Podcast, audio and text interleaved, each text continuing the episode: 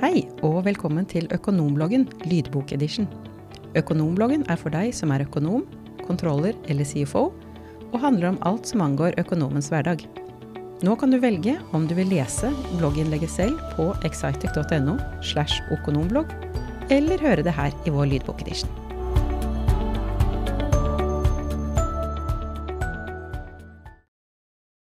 Kunsten å være på forfoten med fremtidsrettet økonomistyring. Dette blogginnlegget har temaet budsjettering og prognostisering, og er skrevet som en gjesteblogg av Profitbase. Denne uken er det gjesteblogger Stig Roar Sandvik, CEO i Profitbase, som gir oss innsikt i hvordan vi skal være best rustet mot en uforutsigbar framtid. På hvilket tidspunkt er det viktigst å se i krystallkulen? Det er når ting er usikkert. I det lange løp har ikke bedrifter livets rett om de ikke klarer å forholde seg til at verden endrer seg raskere og raskere. Økonomi- og regnskapsavdelingen blir ofte sett på som bedriftens historikere som dokumenterer fortiden og rapporterer på historiske data. Det er ikke få timer som brukes på å få på plass disse analysene. Dette er fordi bedriftens historiske data er essensielt for å få innsikt i om en har fått uttelling for tid og penger brukt, og aktiviteter selskapet har investert i. Men hva med fremtidsutsiktene? Med stadig mer turbulente forhold har økonomisjefer og økonomiavdelinger vært under økende press om å ta steget videre fra historikerrollen. Selv om det er viktig å lære av historien, kan ikke fortiden endres. Det er bare framtiden vi kan gjøre noe med. Derfor er forventningene fra CEO og styret at økonomifunksjonen må bli mer strategisk og spille en aktiv rolle i verdiskapningen. Tradisjonelt sett har budsjettet vært brukt for å gi et bilde av fremtiden. Men i en stormfull og uforutsigbar verden opplever mange at budsjettene er utdatert omtrent før året har begynt. Forutsetningene en la til grunn i perioden september-november, har blitt utdatert lenge før en er tilbake på kontoret etter nyttårsaften. Fra der og ut er det bare avviksrapportering mot et budsjett hvor avstand til faktiske forhold og virkeligheten blir større for hver uke.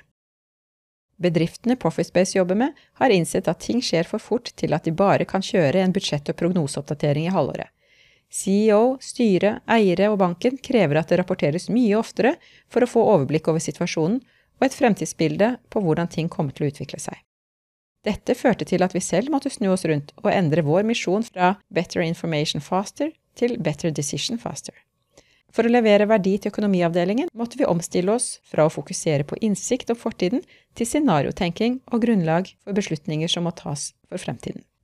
Det mangler ikke akkurat på beslutninger som må tas til viktige spørsmål som må vi permittere, kan vi unngå permitteringer, må vi be banken om lån, hvor mye må vi låne?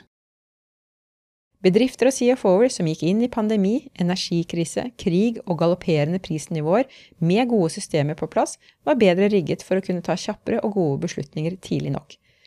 Det samme kan ikke sies om de som sto uten systemer og måtte dra seg gjennom dette med manuell tallknusing.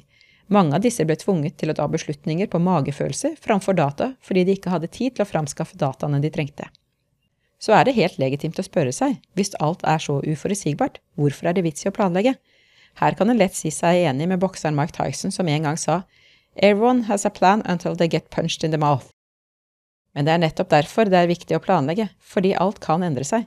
En må skille mellom begrepene plan og planlegging. Planer endres. Planlegging handler om å være god på å se inn i krystallkulen og være i stand til å snu seg rundt for å tilpasse seg en ny realitet.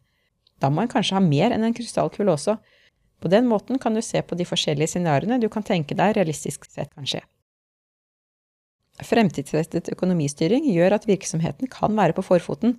Det gir muligheter til å ikke bare punche tall, men å bidra til lønnsom verdiskapning og navigere bedriften gjennom stormen mot en mer lønnsom framtid.